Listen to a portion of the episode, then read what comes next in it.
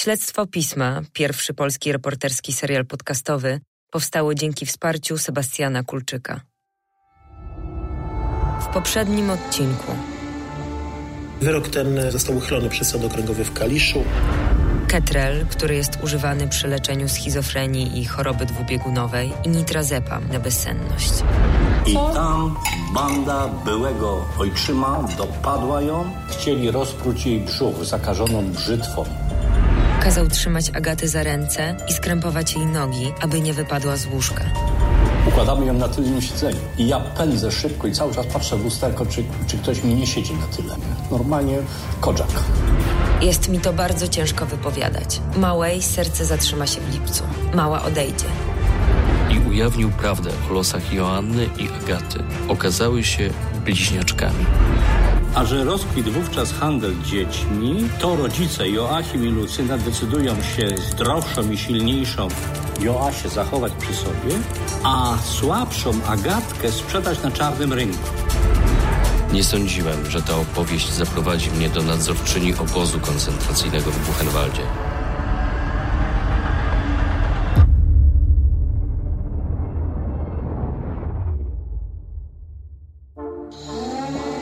2014 roku Agatę i Jana oskarżono o znęcanie się ze szczególnym okrucieństwem nad czwórką dzieci, dla których byli rodzicami zastępczymi.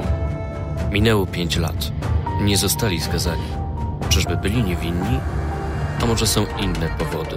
I kim są ludzie, którzy sugerują, że na adoptowanych dzieciach lista ofiar się nie kończy? Nazywam się Mirek Wległy, a to jest Śledztwo Pisma. Reporterska historia opowiadana tydzień po tygodniu. Odcinek czwarty. Wszystkie życia Agaty.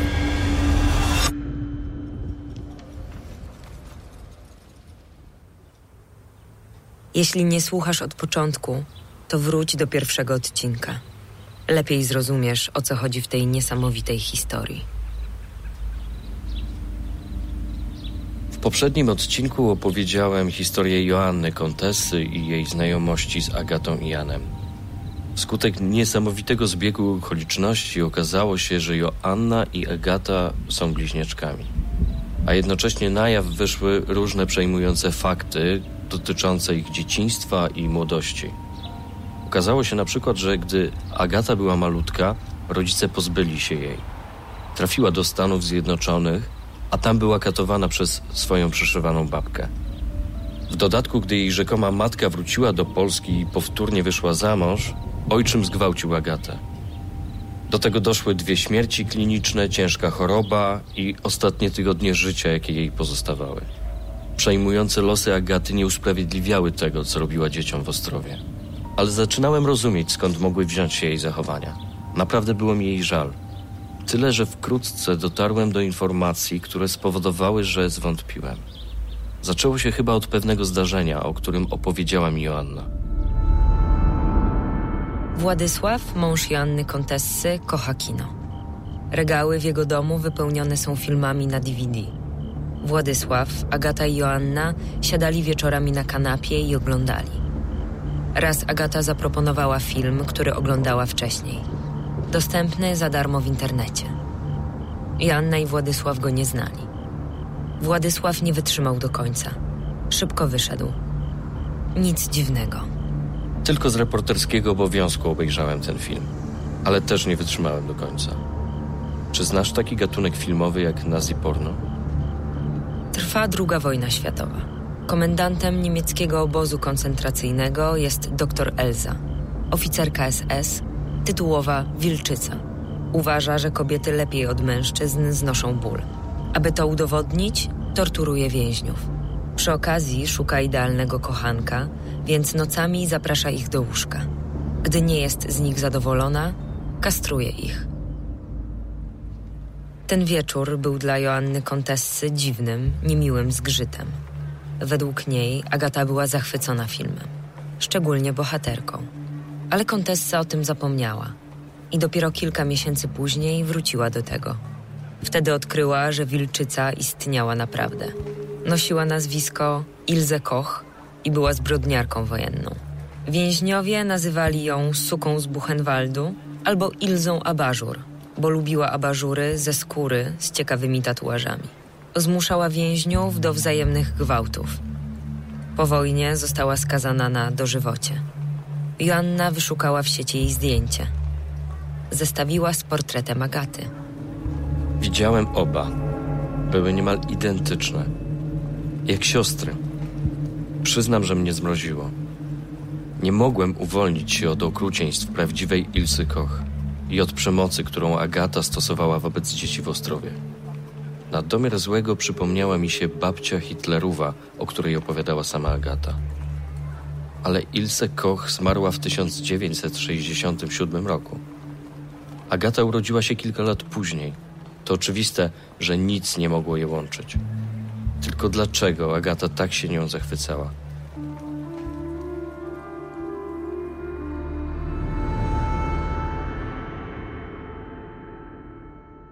Zdarzenie z wilczycą SS było być może nieprzyjemne i dziwne, ale wobec problemów, przed którymi w maju 2018 roku stanęła Joanna, szybko przestało być istotne. Najbliżsi Joanny martwili się o jej zdrowie. Była coraz bardziej wycieńczona opieką nad Agatą. Tracili z nią kontakt, a równocześnie nie chcieli przeszkadzać odnalezionym po latach bliźniaczkom. Przecież one nie miały za wiele czasu. Agata umierała. Tak mówi sąsiadka, która prosiła, by nie zdradzać jej personaliów. Były sytuacje takie, wie pan co, że to, to, to nie to, że to z przykrością mówiąc, że, ja się, że budziły mój niepokój. Takie, mówię, kuźwa, no ale tak, zasugerowałam coś Asi, a się okazało, że ona no, robiła to, co uważała ona za y, stosowne i, i na przykład pisała maila do lekarza, tak? No a tym lekarzem rzekomo miał być pan Religa. Czy to będzie dobre, czy to będzie dla niej dobre? No bo bała się decydować na temat czyjegoś w ogóle zdrowia i życia, kiedy tak naprawdę, no, to jest osoba dorosła. Posłuchaj też Barbary, najlepszej przyjaciółki Joanny. Prawdziwe imię Władysława zagłuszamy w tym i w kolejnych nagraniach. Myślę, że ma, małymi kroczkami to nie tylko budowała to zaufanie, ona się wdzierała w ten ich e, intymny nawet świat. Asia była, ja widziałam, że ona jest coraz bardziej pod wpływem leków. Ona była taka niedostępna dla mnie. Ona była zmęczona non-stop. Jednocześnie wszystko trzeba było zachować w tajemnicy, bo to Agata prosiła, bo ona umiera, bo to pan Religa prosił. I znów sąsiadka Joanny. Bo tutaj praktycznie podczas Agaty obecności rzadko kto miał wstęp. Oni odseparowali się od ludzi, bo Agata wiadomo z tego stanu zdrowia, e, Asia też sobie stwierdziła, że skoro A, siostra, poznała ją tak, e, że tak powiem, na ostatniej prostej, w takich tragicznych okolicznościach, chciała spędzić, poświęcić się jej i jakby, może to to brzydko tak powiedziane, ale spróbować nadrobić te stracone lata, nie? Na to przystał, no bo jak tu odmówić żonie, tak, siostra się pojawiła i w ogóle. E, kiedy, e, no tak pod koniec tego, zanim to wyszło, widziałam, że jest napięcie między Asią i, i pośrodku jest Agata. Ona, ona odseparowywała Joannę od i to było widać normalnie tak fizycznie, bo ja mówię, my się tutaj znamy bardzo dobrze i widziałam, że ona weszła, była ona już dla oschła. Mam duże poczucie y, empatii, wytrzymałości i w ogóle takiego dystansu. Nie ponoszą go nerwy, woli wyjść, nie powiedzieć nic. I widziałam normalnie, że momentami już taką bezradność w jego oczach. Złośliwa była dla wielu. Y, na przykład wiedział, przyjeżdżał o dziewiątej na śniadanie, bo chciał z nimi zjeść. To ona leżała i rzekomo nie mogła wstać do śniadania i Asia musiała ją pilnować. Czyli siedział sam, jak to śniadanie sam. Sąsiadka twierdzi, że Joanna nie miała czasu dla męża. Całą uwagę poświęcała Agacie, której stan zdrowia się pogarszał. Nie można było jej spuszczać z oka. Kiedy zostawała sama, traciła przytomność. W maju 2018 roku związek Joanny i Władysława rozpadał się. I nic dziwnego, biorąc pod uwagę na przykład takie sytuacje. Kiedy Joanna wieczorem poszła z Władysławem do łóżka, Religa przysłał mailowe powiadomienie, by natychmiast poszła do Agaty. Wskazania stymulatora Agaty były alarmujące. W każdej chwili mógł pojawić się śmiertelny częstoskurcz. Nie można było z niej spuszczać oka. Joanna zostawiła więc Władysława i poszła do pokoju obok. Natomiast w sprawie Agaty, która coraz częściej traciła przytomność i nie pomagały już uderzenia w twarz z otwartej ręki, lekarz zalecił metodę usta-usta. Tylko bliźniaczy oddech mógł wydłużyć jej życie. Doktor Religa tłumaczył, że mają zgodność. Tlen Joanny poprawiał pracę serca i płuc Agaty. Tak pisał do Joanny. Jeśli mała choć jednego dnia nie otrzyma twojego tlenu, może się udusić. I jeszcze, niech mała śpi z wami. I nawet kiedy już zaśnie, a ty się obudzisz, daj jej tlen. Nie pytaj, czy chce, czy nie. Innym razem Religa usnął i przegapił kryzys u Agaty. Bliźniaczy oddech Joanny okazał się zbawienny. Twój tlen uratował małą, lekarz napisał do Joanny. Poinstruował przy tym, by robiła to powoli. Trzy razy, a potem znowu po 15 minutach. Dziwne, prawda? Władysław już nie wiedział, co myśleć. Na przykład o tym, że Religa wręcz sugerował, żeby Agacie pozwolić umrzeć w USA. Władysław podejrzewał, że Kevin, czyli prawnik Agaty z USA, wraz z Religą spiskują przeciwko Agacie. Zastanawiał się, czy Agata nie chce przypadkiem porwać jego żony na Florydę. Albo jeszcze inaczej. Może to Joanna chciała go zostawić. Pojechać z Agatą do Stanów i nie wrócić. O swoich przypuszczeniach nikomu nie mówił. Szczególnie, że Joanna zarzucała mu, że się od niej odcina i ma dość uczestnictwa w umieraniu Agaty. Władysław był zagubiony, tak jak wszyscy w otoczeniu Joanny. Choć dzisiaj Renata, jej sąsiadka, nie ma wątpliwości. Po prostu się zakochała. Dla mnie, ja mówię do Jany, mówię, Asia, to jest ewidentnie, ona, te piosenki wszystkie, te słowa tych piosenek, to one były tak jakby kierowane do, do niej.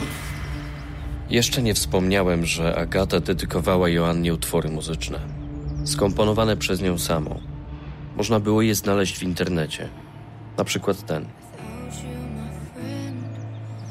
Na wydanej podobno w USA płycie obok postaci Agaty jest portret Joanny. Widziałem dedykację na okładce. Po angielsku. Mojej siostrze Joannie. Rzeczywiście, zupełnie jakby Agata zakochiwała się w Joannie. Mówi sąsiadka Joanny. Wydaje mi się, że Agata chciała być w tym związku partnerem. Joanna ją kochała jak siostrę. Poświęcała ją każdą minutę dnia, a Agata bardziej traktowała siebie jako właśnie takiego nawet mężczyzna. Ona się ubierała jak męż- mężczyzna. Ona się nawet obcięła na krótko. Nosiła męskie ciuchy, bo koszulki nawet jak widziałam to z takich sieciówek i to ta kolekcja men, spodnie męskie nosiła, bardzo lubiła jakieś mokasyny, trampki, typowo się właśnie ubierała jak taki wyluzowany chłopak. Były jeszcze inne oznaki.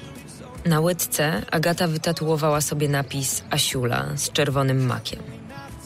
A na ręce cytat z Garcia Marqueza po hebrajsku. Być może dla świata jesteś tylko człowiekiem, ale dla niektórych ludzi jesteś całym światem. I do tego dopisek mojej siostrze Joannie. Agata zwierzała się Joannie ze swoich romansów. A to z jedną z poznańskich lekarek, a to z lekarzami z Długiej, a to z obcokrajowcami – Japończykiem, Amerykaninem, Francuzem. Z kolei całować nauczyła się w Tybecie. Pod koniec mojego długiego spotkania z Joanną i jej bliskimi zapytałem ją wprost, czy ona się w pani zakochała? Tym bardziej, że, tym bardziej, że tam był z tą, z tą lekarką taki wątek, że to niby ta lekarka nią tam, e, że tak powiem, e, co wyście z sobą pogadali, że teraz tutaj człowiek ma inny wyraz twarzy i patrzy na mnie dziwnie. Znaczy nie, powiem Ci tak, bo Pan mnie się za to zapytał, ja wiesz, że moimi oczami, ja czy wiesz, ukrywać się nie będę, bo rozmawiamy sobie luźno. Tatuaż, tak.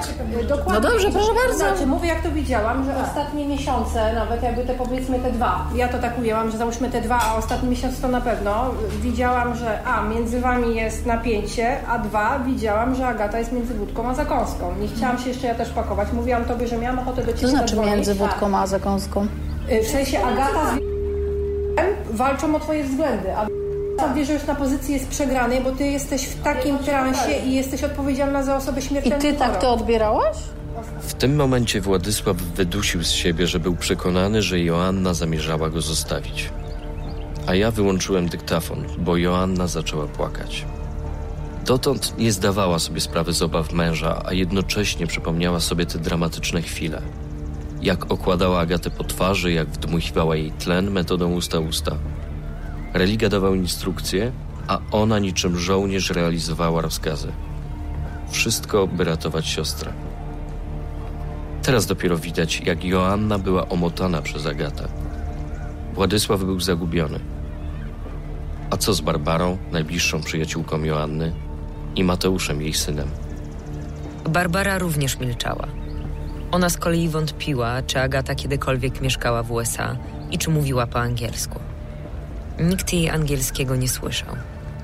Agata tłumaczyła, że nie mówi, bo Jan się denerwuje. Nie używała też japońskiego. A przecież Jan w jednym z SMS-ów do Joanny relacjonował, jak pewnego wieczora zabrał ją do restauracji sushi. Napisał tak. Spotkała tam znajomych. Wyobraź sobie, że rozmawiała z nimi po japońsku. Dopiero po tylu latach dowiedziałem się, że zna japoński. Szok. Znajome Joanny zauważyły, że Agata szczególnie źle się czuła, kiedy w odwiedziny przyjeżdżał syn Joanny z wnukiem.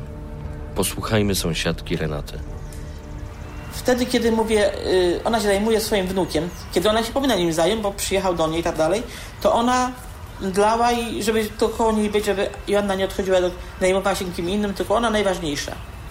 Ja mówię, dla mnie to jest tak ewidentnie to wygląda, że ona jest zazdrosna o, o wszystkich, którymi, się ona zajm którymi zajmuje się Joanna. Przypomnę tylko, że Joanna miała poważne schorzenie serca. Od wielu tygodni przyjmowała mocne leki psychotropowe. Przestała jeździć na kontrolę i czuła się coraz gorzej. Oddajmy wreszcie głos synowi Joanny. Mateusz opisuje, co kotłowało mu się w głowie. W którymś momencie, jak, jak gdzieś tam usiadłem już na moją mamę i powiedziałem, że no, odcina nas totalnie i nie ma z nią łączności, to powiedziała, że, yy, że mam się do niej nie odzywać.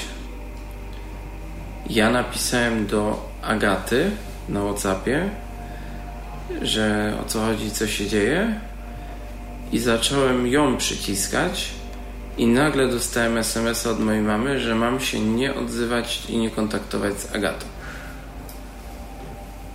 I to był moment, w którym ja już wiedziałem, że nie odpuszczę w żaden sposób. W końcu Barbara i Mateusz zaczęli ze sobą rozmawiać o stanie Joanny. I tak naprawdę Mateusz do mnie zadzwonił, któregoś mi ciocia, co ty sądzisz? Ja mówię, Mateusz, ja po prostu źle sądzę, ja nie wiem. Dla mnie to jest wszystko, y, mówię, jedno wielkie kłamstwo. Tam się coś dzieje, mama jest wykończona, nikt nie ma prawa, nawet jeżeli ona jest śmiertelnie chora, musimy. Yy, ja, ja bardziej patrzyłam pod tym kątem, może nie, nie, że ona jest oszustką, bo jeszcze wtedy tego nie wiedziałam, tylko że pod kątem zwolnienia Asi z odpowiedzialności z tej opieki. Wie Mateusz, powiedz mi, czy, yy, czy mama była u tego religii? Ja napisałam też do Joanny, Joanna proszę podaj mi numer telefonu do religii. Nie, ona nie ma, ona ma tylko mailowy. Ja mówię, jak, i wtedy pisałyśmy maile już. Jak masz kontakt mailowy? Nie masz telefonu do religii? Nie, to wszystko przez Agatę. I tu zaczęły mi się te lampeczki szybko zapalać. Zadzwonili do Grzegorza Religii. Według Agaty i Joanny miał akurat być w Kanadzie. Na szczęście był na miejscu, w Łodzi, u siebie w szpitalu. Za kilka dni Agata i Joanna miały lecieć z religą na Florydę. Agata twierdziła, że kupiła już bilety. Nazajutrz wybierały się do niego na transfuzję. Według słów lekarza, tylko przetoczenie krwi od bliźniaczki dawało szansę na przedłużenie życia Agaty. Wiedziałam, że Joanna ma y, wyjechać następnego dnia y, z nią że miał lecieć do tych Stanów. Pytałam się, czy y, miał też lecieć Mateusz, jej syn. Okazało się, że nie ma jeszcze wizy, tak? Bo Mateusz mówi, jak rozmawialiśmy kilka dni wcześniej, ale ja ciocia nie mam żadnej wizy. Mówię, to jak ty masz? To chcesz mamę puścić? No nie, ja, ja mamy nie puszczę samej. Jadąc, czy zanim jeszcze tam wyjechaliśmy, to zadzwoniłem do i powiedział, żebym się chwilę wstrzymał. Yy bo on nie do końca, że to, to, nie Agata, raczej to jak już to tam ją ktoś oszukuje i tak dalej, tak dalej. Żeśmy się chwilę wstrzymali, ale ja wtedy stwierdziłem, że Ja mam to gdzieś, to był 6 czerwiec najprawdopodobniej, to jest środa, to tak by pasowało. Barbara i Mateusz uznali, że nie mogą pozwolić na wspólny wyjazd Agaty i Joanny. Aby ratować matkę i przyjaciółkę, musieli uwolnić ją spod wpływu bliźniaczki. I postanowili odwieźć Agatę do męża, do Poznania. To był 5 czerwca. Jak zapewne pamiętasz, Agata u Joanny Kontesy mieszkała od lutego. Ja powiedziałam, że trzeba zadzwonić do i powiedzieć o tym. Zadzwoniłam do to no muszę też powiedzieć otwarcie, no nie, nie, nie miałam takiego wrażenia. On był na takiej zrezygnowanej pozycji. Cały czas pytał, nie, nie przyjeżdżajcie, y, bo Mateusz tu zrobi grandę, bo będzie głośno, one sobie krzywdy nie zrobią. One sobie krzywdy, ja mówię, ja dzwoniłam do tego religii, tam się nic nie zgadza. Na miejscu byli przerażeni stanem Joanny. Barbara pamięta, że wyglądała jak naćpana. Miała taki błędny wzrok. No bo przecież doktor Religa już od pół roku szczodrze aplikował jej leki psychotropowe. Posłuchaj, jak o tym mówią Mateusz i Barbara. Wjechaliśmy tam na, na miejsce i, i no po prostu scena komiczna. Y, wjeżdżamy tam, trzyma Agatę, próbując wziąć jej telefon i jak ona tylko zobaczyła, że my podjechaliśmy, jak ogarnęła to, żadnego uderzenia, żadnego pchnięcia, trzymanie za rękę, ona nagle jak piorunem rażona w, y, leży na ziemi. Ja wyszedłem z auta, ona po prostu prawie, że umiera. I, i tu jest cytat. Yy, przestań kurwa udawać i wstawaj, bo zaraz cię wyjebę. Tak. I nagle się obudziła. I ona chce obdukcję, ona policję wzywać. Ja mówię, ale po co ty chcesz wzywać policję? Mama w totalnym po prostu w totalnym rozwaleniu emocjonalnym, zero kontaktu z nią, tam coś krzyczała, nie wiedziała co się dzieje. E, się okazało, że one chciały już wyjechać, że sumie to je zatrzymał, żeby nie wyjechały. No, mama totalnie otmaniona. I chyba z pół godziny nam zajęło, żeby w ogóle z mamą zacząć rozmowę. Yy, gdzieś tam mamą zajęła się ciocia, żeby ją tam ogarnąć. Ja z Joanną w samochodzie zaczęłam jej mówić, Joanna, nie wiem co tu się dzieje, nigdzie nie pojedziesz. Ten, ta kobieta, nie wiemy do końca kim jest. Według nas się nie zgadza, według nas oszukujecie, to nie jest religia, który wysyła do ciebie te maile. No, to trwało chyba z trzy godziny, cała akcja. Yy, w którymś momencie ja poszedłem do środka, wracam, Agata już ma chusteczkę okrwawioną i tak dalej. Już nie chciałam się analizować, ale to nie wygląda jak świeża krew, tylko jak po prostu taka poplamiona jest przygotowana, wymiętolona chusteczka z kieszeni i, i tyle. Przez całe trzy godziny nie kaszlała, nie dusiła się, nie miała żadnych problemów, które, które miała co chwilę przez ostatnie tam, nie wiem, trzy miesiące, tak?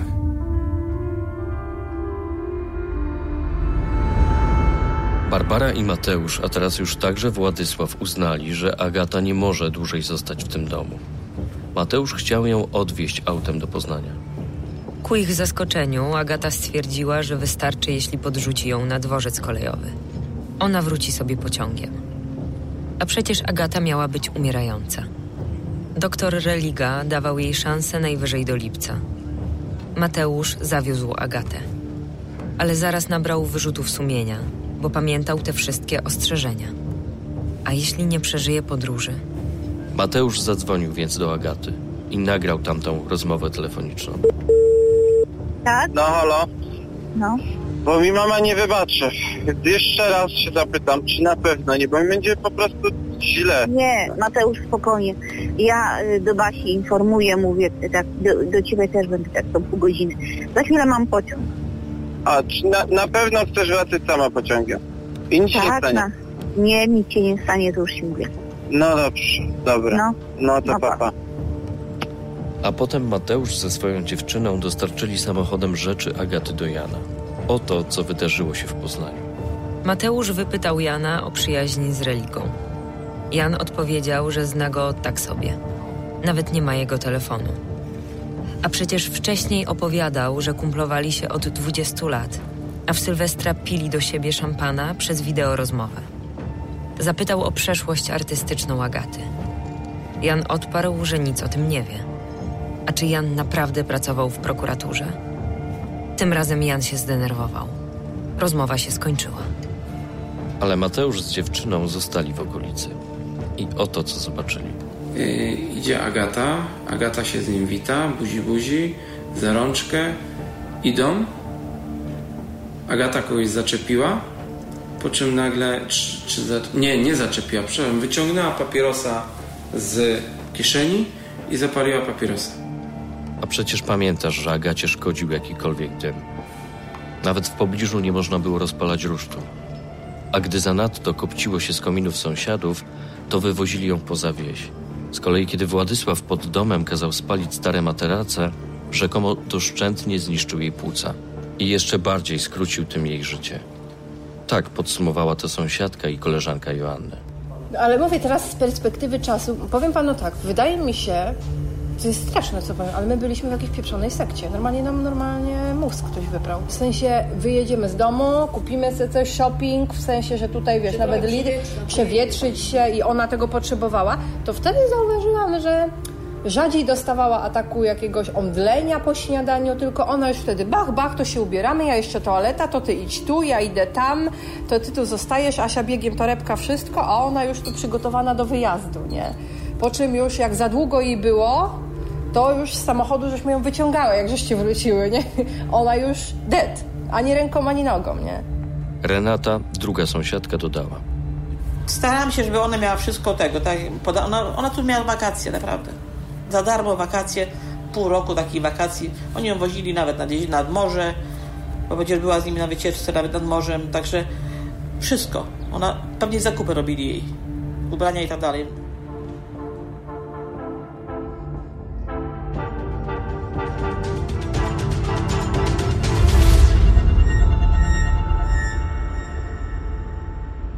No i co o tym myślisz?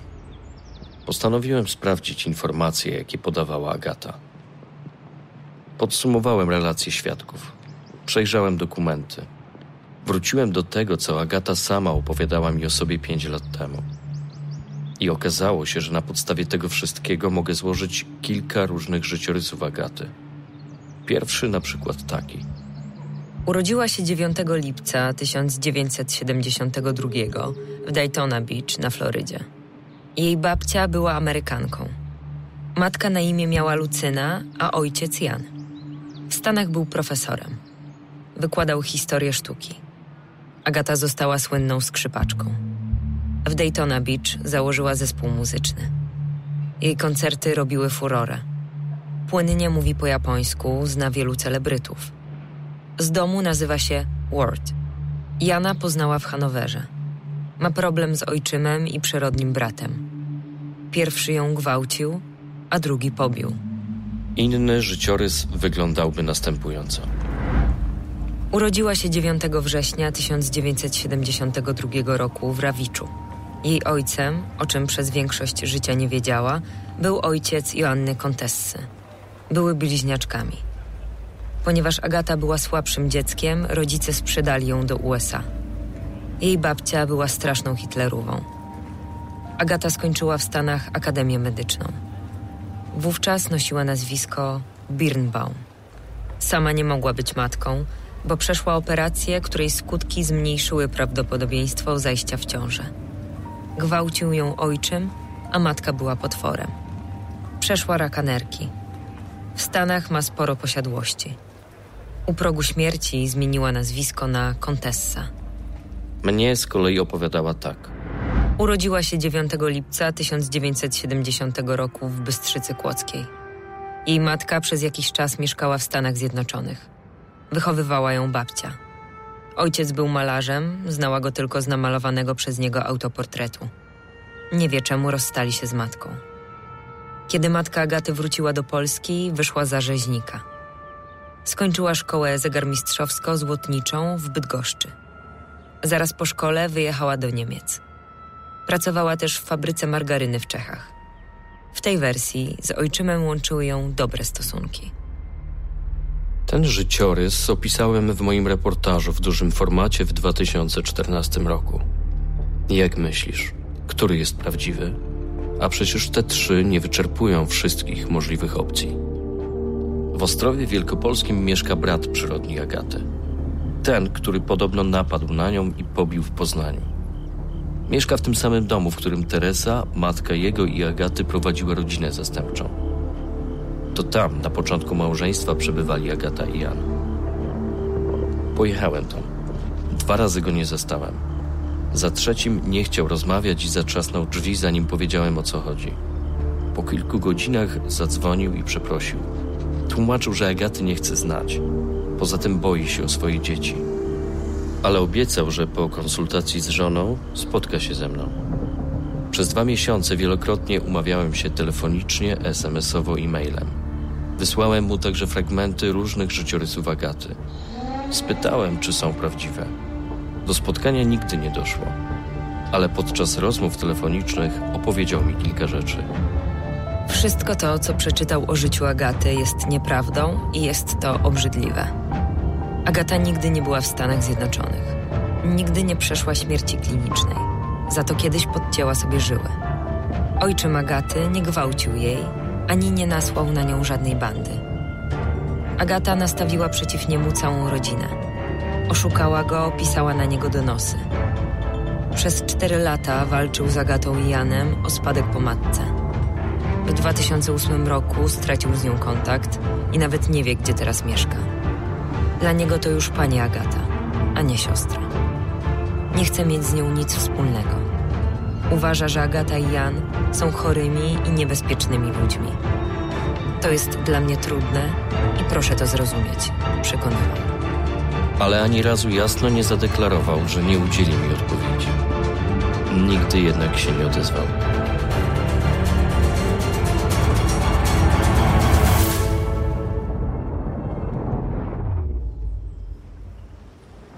Postanowiłem krok po kroku zweryfikować te wszystkie opowieści Agaty. Zacznijmy od tego, że już pięć lat temu przyłapałem Agatę na kłamstwie. Nie była mi w stanie potwierdzić, że przez pewien czas zamieszkiwała z rodziną w Stanach Zjednoczonych, gdzie jej ojciec wykładał historię sztuki. Zaprzeczyła, że ukończyła Akademię Sztuk Pięknych w Łodzi i studia medyczne w Stanach. Nie miała wyższego wykształcenia. Spytałem, dlaczego kłamała. Obwiniła matkę. To ona radziła, że w ten sposób łatwiej zdobędzie certyfikat rodziny zastępczej. Dodała, że miała o to do matki żal, bo przecież bez wyższego wykształcenia też można być wartościowym człowiekiem. Wróćmy do weryfikacji faktów.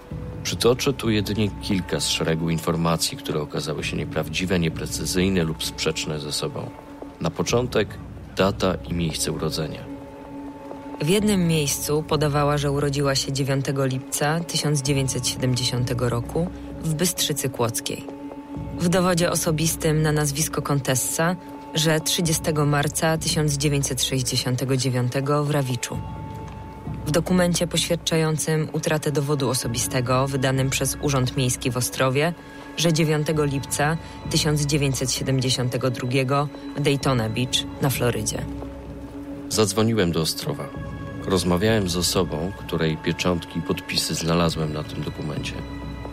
Urzędnik powiedział, że nie mógł nic takiego podpisać, bo od wielu lat nie pracuje w Wydziale Spraw Obywatelskich. Później rzeczniczka urzędu oficjalnie poinformowała, że sprawą fałszerstwa dokumentu, a także dowodu osobistego na nazwisko Agata Contessa zajęła się prokuratura. Są jeszcze dokumenty szpitalne Agaty.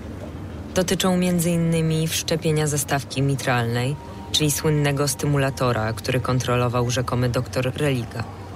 W nich też są różne daty urodzenia. Profesor Maciej Lesiak, kierownik oddziału kardiologii Szpitala przy Długiej w Poznaniu, napisał, że dokumenty są podrobione. Można z nich wyczytać wiele bzdur, których żaden lekarz by nie napisał. A na kartach informacyjnych widniały podpisy jego syna, który kończył w szpitalu rezydenturę z kardiologii. Szpital zgłosił fałszerstwo prokuraturze. Sprawdziłem również opowieści o karierze zawodowej Agaty. Już wiemy, że nie skończyła SP ani medycyny w Stanach. ale wielokrotnie i wielu osobom chwaliła się, że była projektantką znanej polskiej firmy jubilerskiej. Tworzyła dla nich unikatowe egzemplarze biżuterii. Okazało się, że Agata nigdy dla tej firmy nie pracowała. Na Florydzie nie istniał zespół muzyczny, w którego składzie grałaby Agata Ward Birnbaum, kontessa, a nie o żadnym innym nazwisku, które z Agatą się wiązało. Muzyka, którą rzekomo komponowała, okazała się nagraniami dostępnymi w darmowych bazach muzycznych. Na koniec kwestia badań DNA, które potwierdziły, że Agata i Joanna są bliźniaczkami. Według dokumentu, który Kontessa otrzymała do Agaty, przeprowadziło je laboratorium diagnostyki medycznej test DNA w Katowicach. Jego kierowniczka, ze względu na ochronę danych osobowych, nie chciała potwierdzić, czy rzeczywiście robili takie badania. Ale odniosła się do dokumentu, który potwierdzał zgodność DNA Joanny i Agaty. Okazało się, że dotyczył badania ustalenia ojcostwa, a nie stwierdzenia, czy dwie kobiety są bliźniaczkami. Wynik zawierał błędy, na które specjaliści by sobie nie pozwolili. Co więcej, badana osoba miała chromosom XXY i marker 391, które u kobiet nie występują. Czyli gdyby dokument był prawdziwy, Agata byłaby mężczyzną.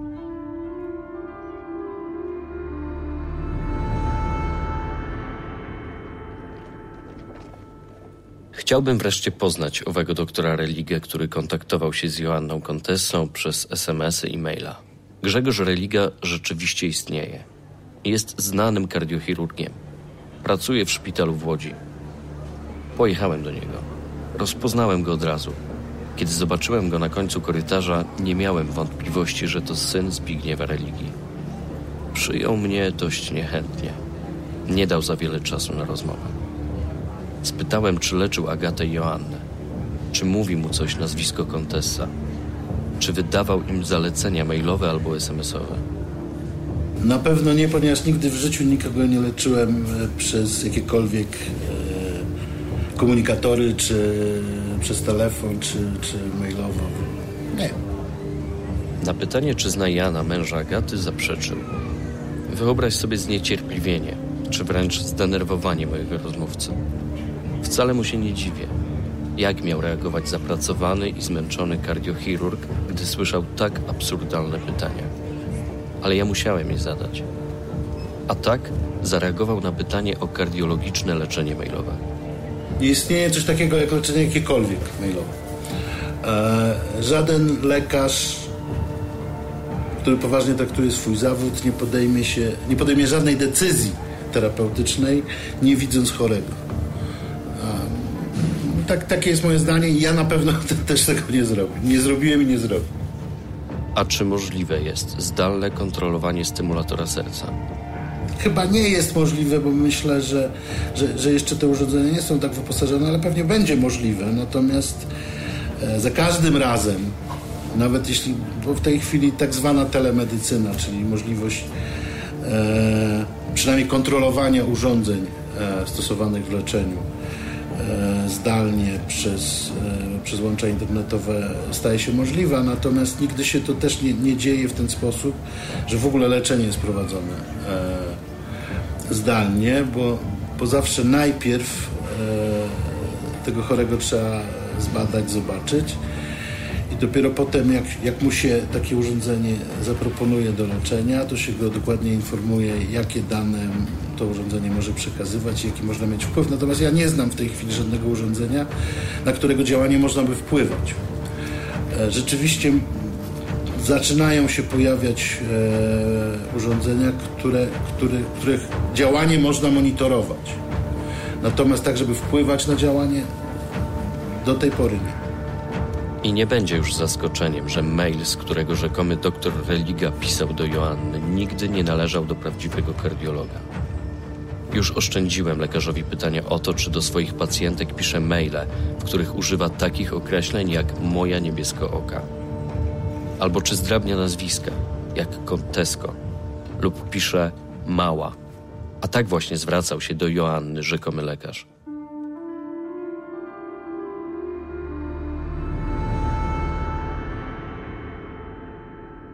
Pojechałem też do Poznania. do ordynatora oddziału psychiatrycznego w Centrum Medycznym HCP. To dr Sebastian Kliwicki w porę kazał odłożyć Joannie nitrazepam. Był to lek psychotropowy zalecany przez rzekomego religę.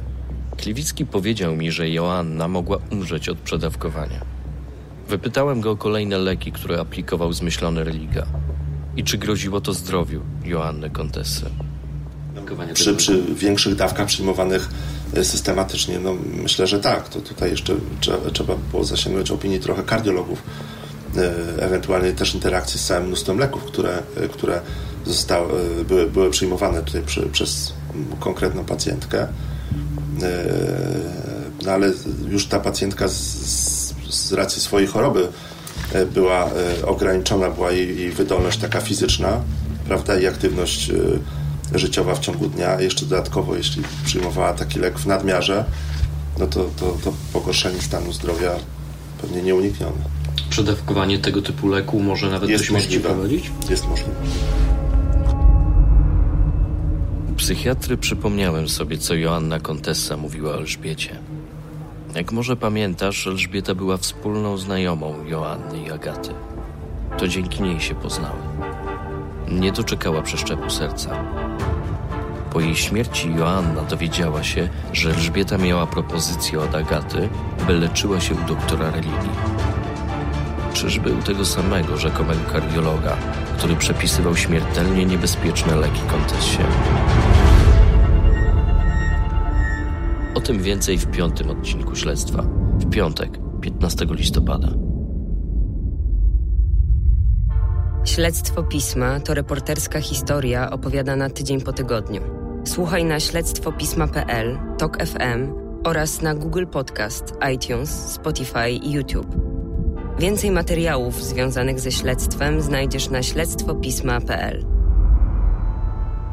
Śledztwo Pisma, pierwszy polski reporterski serial podcastowy, powstało dzięki wsparciu Sebastiana Kulczyka.